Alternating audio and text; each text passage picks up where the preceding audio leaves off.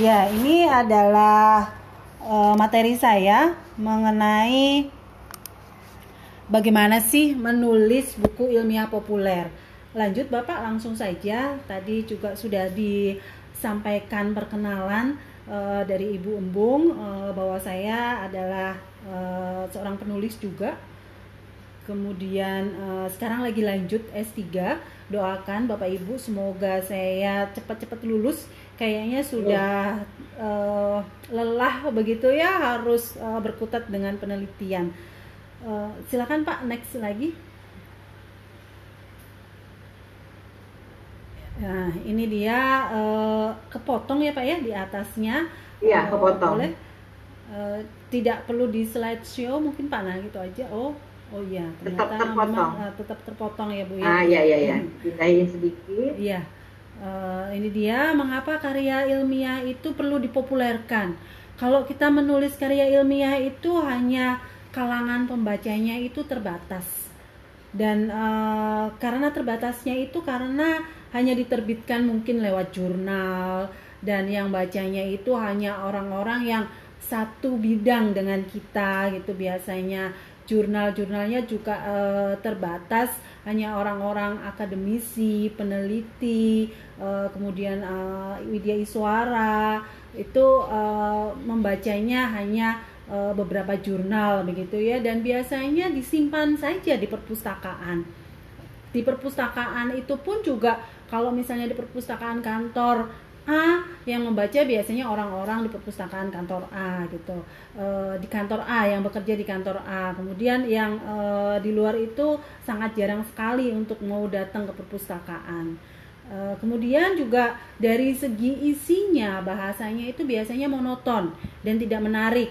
Karena dia banyak e, teori-teorinya yang kadang orang lain yang ingin mengetahui apa isinya itu itu sangat susah mengalami kesulitan ini bahasanya apa sih? gitu ya. Mungkin saya bidangnya masih ada hubungannya dengan pertanian. Saya S1-nya peternakan S2-nya lingkungan.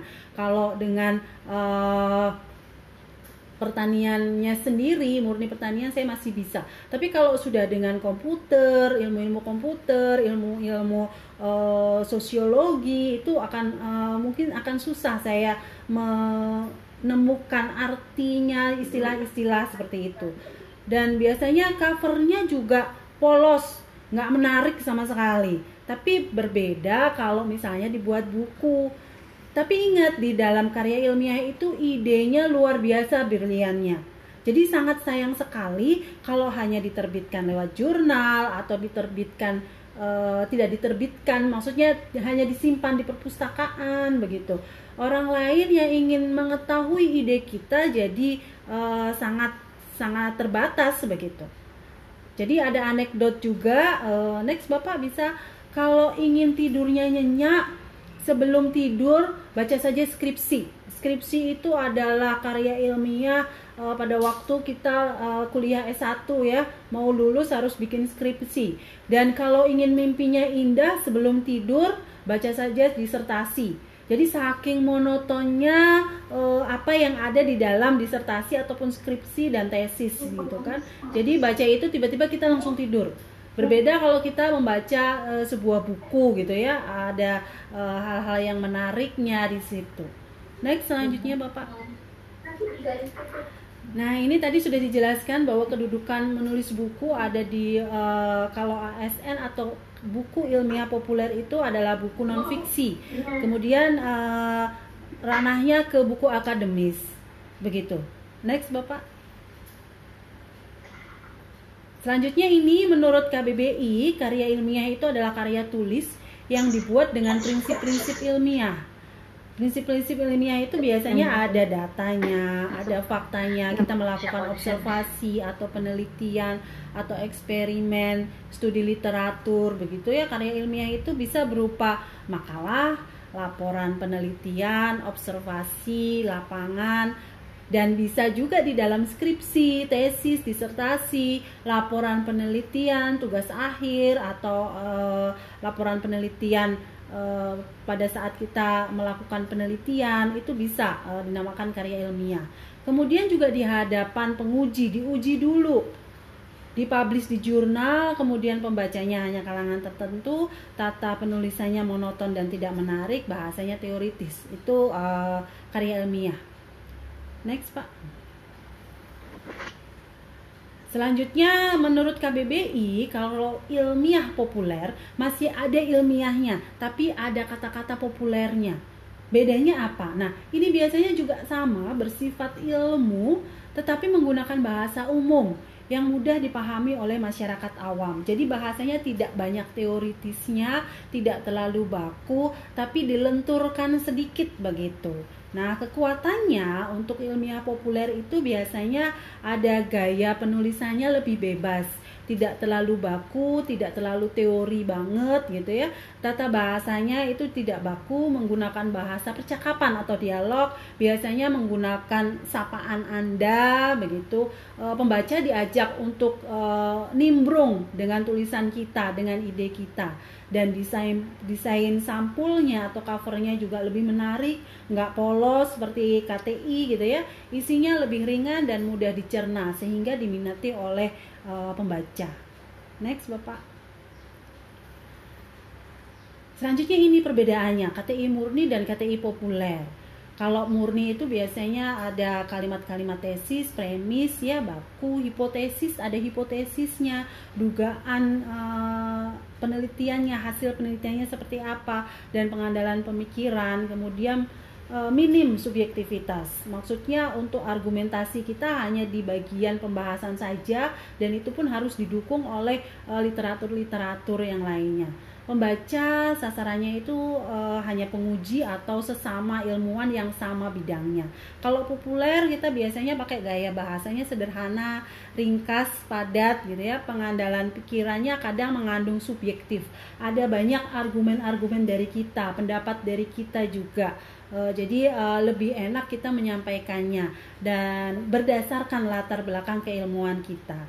Pembacanya banyak dari halayak yang lebih luas lagi. Uh, silakan Bapak next. Next lagi Pak. Nah ini dia bagaimana sih uh, memulai mengubah karya ilmiah menjadi buku populer, ilmiah populer yang layak terbit. Di KTI itu kan biasanya ada lima bab latar belakang, studi literatur, kemudian metodologi penelitian, pembahasan, pembah eh, kesimpulan dan saran. Nah, kalau di ilmiah populer yang dijadikan buku hanya tiga saja yang diambil, yaitu latar belakang. Ini menceritakan tentang mengapa sih topik tersebut itu menarik sekali untuk dibahas dan juga dilihat dari kepentingan pembaca. Seperti apa? Mau menceritakan apa sih? Biar pembaca itu penasaran dengan e, tidak hanya berhenti pada bab satu saja tetapi lanjut dia membacanya bab dua dan bab seterusnya. Kemudian di bab pembahasan. Bab studi literatur dan bab metodologi penelitian tidak perlu disampaikan uh, di uh, buku ilmiah populer. Langsung di pembahasan. Kita membahas apa di KTI itu di situlah ide-ide kita bermunculan. Nah, didukung oleh literatur-literatur kita itu, boleh itu uh, untuk di buku ilmiah populer. Jadi membahas apa? Di situ kan uh, teori atau ide kita menemukan setelah dilakukannya penelitian dan apa relevansinya terhadap kebutuhan masyarakat. Jadi masyarakat ingin tahu apa nih di situ digali lebih dalam lagi, dijabarkan lebih detail lagi dengan gambar, ilustrasi-ilustrasi tabel, grafik itu boleh. Dan terakhir adalah kesimpulan. Kesimpulan itu memberikan uh, penjelasan kepada pembaca bagaimana penelitian ini bisa memberikan manfaat bagi pembaca dalam kehidupan sehari-hari. Lanjut, Pak. Nah, ini sentuhan populernya itu seperti apa? Yang pertama, kita mencoba menuliskan dengan kata-kata atau bahasanya itu e, berkomunikasi atau interaktif dengan pembaca. Jadi penulis harus bisa berkomunikasi secara aktif dengan pembaca.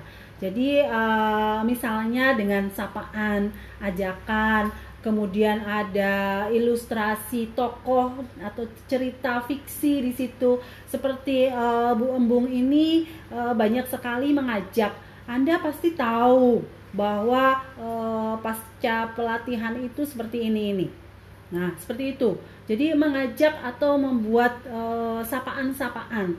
Kemudian ada yang teman Bu Embung uh, Pak Maferi ya Bu ya. Nah, itu ya. dia membuat uh, sebuah ilustrasi uh, bagaimana sih membuat KTP uh, di uh, kecamatan itu dia membuat cerita sedikit antara anak yang sudah berumur 17 tahun kepada bapaknya bercerita aku pengen bikin KTP nih. Seperti apa? Dicoba bapaknya kamu jalan aja sendiri ke kecamatan. Intinya seperti itu tapi dibuat dialog dibuat kisah cerita seperti itu. Next bapak. Nah, bicaralah melalui tokoh. Nah, seperti tadi dibuat cerita Misalnya Anda ingin uh, berbicara tentang kenaikan harga. Kalau di buku uh, atau karya tulis ilmiah itu kan kenaikan harga kita uh, langsung aja tuh the point bercerita tentang kenaikan harga gitu ya. Tetapi Anda bisa menceritakan tentang tukang sayur langganan uh, di buku itu. Jadi diberi nama tokohnya, usianya, modelnya seperti apa, kemudian ceritakan bagaimana perasaannya akibat kenaikan harga uh, di mana-mana gitu kan. Jadi dia belanjanya juga akan uh, susah, daya belinya pun akan turun seperti itu. Jadi uh, mengenal sosok si A, tokohnya diceritakan dulu di situ seperti apa. Kemudian uh, setelah itu uh, Anda sendiri, penulis sendiri itu bebas berpendapat. Mau kisahnya dibuat seperti apa, agak dramatis sedikit itu boleh. Karena ingin menceritakan bahwa kenaikan harga itu seperti apa. Kemudian uh, ada banyak lagi uh, nanti uh, seperti apa memberikan sentuhan-sentuhan populer. Selanjutnya, Pak. Ini sudah masuk secara teknis ya. Terus kemudian ya. bisa menggunakan majas Majas ini untuk menghadirkan kesan populernya. Tadi seperti uh, saya bilang unsur dramatisnya boleh dimasukkan di situ. Agak lebay begitu ya, tapi jangan terlalu lebay gitu. Karena yang lebay-lebay gitu kan biasanya uh, senang gitu ya. Kemudian baper itu bisa. Jadi ada eh, kisah-kisah yang menceritakan bisa membawa perasaan begitu boleh. Kemudian peluang humor juga boleh. Jadi uh, majas ini membuat kalimatnya terasa nyaman dibaca dan pesannya disampaikan secara tepat. Contohnya seperti ini, kalimat ilmiahnya harga telur naik. Baku banget kan? Subjek, predikat, uh, objek gitu kan. Tapi kalau populernya bisa agak lebay, harga telur meroket tanpa terkendali gitu. Nah, selanjutnya uh, lanjut Pak, nggak apa-apa. Nah, ini dia. Judul. Judulnya juga menarik. Biasanya kalau judul KTI itu kan analisa apa hmm. begitu ya atau uh, pengaruh seperti itu ya. Gunakan judul yang memang memprovokatif gitu ya. Tapi jangan yang uh, membuat pro dan kontra tapi tidak terlalu ekstrim gitu ya. Tapi singkat. Minimal itu kemarin saya hanya memberikan uh, kepada penulis maksimal 5 frase lima frasa untuk memberikan uh, judul. Kalau panjang di bawahnya dibuat tagline. Judul KTI misalnya, analisis peran media sosial Facebook dalam memasarkan produk jasa training online. Ini bisa dibuat judulnya banyak banget, mau marketing eh magnet marketing Facebook, cara jitu marketing via Facebook atau Facebook media sosial plus media marketing. Next, Pak. Nah, ini juga dari kalimatnya. Kalimatnya banyak-banyak menggunakan kalimat aktif biar lebih uh, apa ya, lebih nyaman pembaca itu uh, membacanya. Biasanya kalau di laporan atau di KTI itu cenderung menggunakan kalimat pasif. Jadi uh, seperti ini contohnya. Kalau pasifnya di desa Bojong Soang ditemukan kasus bla bla bla bla. Tapi kalau uh, kalimat aktifnya di ilmiah populer kita bisa menemukan kasus bla bla bla di desa Bojong Soang. Jadi subjek, predikat, objek dan keterangan itu kalimat uh, aktif. Jadi lebih memiliki karakter yang menarik dan interaktif karena subjeknya melakukan kegiatan. Begitu. Next, Pak. Nah, ini bahasa-bahasa KTI perbedaannya nanti bisa dibaca karena nanti materi ini bisa di-share ke peserta dan bahasa populernya. Nah, bahasa populernya lebih ringan gitu loh. Siapa sih yang nggak punya akun Facebook? Dari anak kecil sampai nenek-nenek juga pasti punya akun Facebook. Jadi kan uh, bahasanya lebih renyah gitu ya Bu ya. Facebook yeah. merupakan media sosial yang familiar di zaman sekarang. Kayaknya ketinggalan zaman banget kalau tidak bisa bersosial media lewat Facebook dan seterusnya. Dibandingkan dengan bahasa-bahasa yang ada di KTI itu uh, pakai bahasanya kaku banget, SPOK atau mungkin uh, banyak tidak banyak kata sambungnya. Begitu selesai satu kalimat SPOK titik kemudian lanjut lagi. Nah kalau di bahasa populer boleh ditambahin dengan kata sambung kata sambung agar bisa lebih luas eh, bahasa-bahasa tadi ajakan sapaan nah itu bisa di dalamnya uh, di bahasa uh, populernya. Silakan lanjut lagi pak. Ini masih uh, sama contohnya nanti bisa uh, dipelajari agar pada saat kita mengubah KTI kita yang sudah kita miliki uh, bisa lebih populer seperti apa. Nah, konsep bukunya itu biasanya lebih sederhana kalau dibuat uh, dari KTI. Kalau KTI seperti tadi analisa uh, marketing digital melalui media sosial Facebook itu kan itu banyak mungkin variabel-variabelnya di situ ya tetapi kalau di buku bisa dibuat jadi 2 sampai 3 buku satu KTI, satu laporan penelitian. Jadi ambil saja e, satu variabel. Kita akan membuat lebih detail lagi, lebih dalam lagi, hanya mencatut satu variabel dibuatlah buku e, ilmiah populer. Jadi outline-nya bisa berupa bab-bab yang berhubungan, bab satu kemudian lanjut lagi bab dua yang saling berhubungan atau juga bisa berupa artikel. Artikel itu bab satu e, tidak banyak berhubungan dengan bab kedua tapi masih dalam satu tema. Misalnya kita tadi e, tentang marketing digital gitu ya. E, marketing digital. Yang pertama kita mau menceritakan marketing digital itu seperti apa sih di zaman sekarang apalagi pandemi. Marketing digital di zaman pandemi Nah, itu bab satu. Bab duanya e, media sosial sebagai marketing e, digital, Facebook. Bab ketiganya mungkin kita e, bisa menceritakan lagi. Nah, itu artikel-artikel. Bab satu dan bab dua e, nggak ada hubungannya, tidak berhubungan langsung, tapi masih dalam satu tema, dalam satu judul itu bahwa kita mempunyai judul besarnya adalah marketing e, digital, misalnya seperti itu. Next, Pak. Nah, ilustrasi tambahan dalam ilmiah populer agar halamannya itu lebih banyak karena buku itu bisa dicetak kalau lebih dari eh, 60 sampai 80 eh, halaman A4. Bisa dicetak pakai lem panas itu di belakang ini di sampingnya itu ada punggung e, buku namanya. Itu eh, nah ini ada punggung buku itu. Nah itu minimal 80 60 sampai 80 halaman A4 kalau bukunya tipis nanti nggak bisa dicetak. Pak kembali lagi ke awal Pak. Sebelumnya eh, untuk memperbanyak halaman bisa ditambah dengan infografis, kemudian grafik boleh, tabel juga bisa e, ditampilkan. Dan tidak kaku menjaga ilmiahnya ini tetap unsur kekinian pada naskah juga masih bisa diberikan. Misalnya ada textbooknya. Yang membuat itu adalah merangkum apa yang uh, ada di bab ini. Jadi uh, penulis uh, pembaca itu bisa membaca atau mengingat-ingat, oh bab ini itu menuliskan tentang ini, merangkum tentang bab ini. Jadi di textbook di textboxnya itu bisa ditambahkan seperti itu. Kemudian ada gambar juga, kemudian daftar pustaka karena tadi ada beberapa argumen kita didukung oleh literatur-literatur. Jadi perlu adanya daftar pustaka.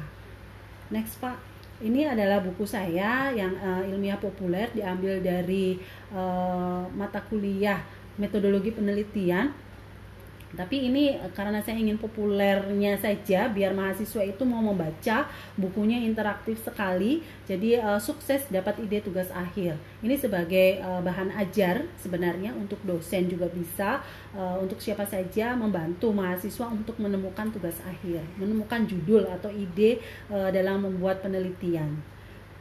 Uh, mungkin itu yang bisa saya sampaikan.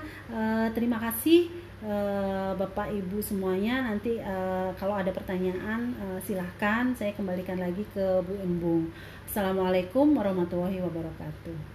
Waalaikumsalam warahmatullahi wabarakatuh. Kita beri upload kepada Ibu Dia.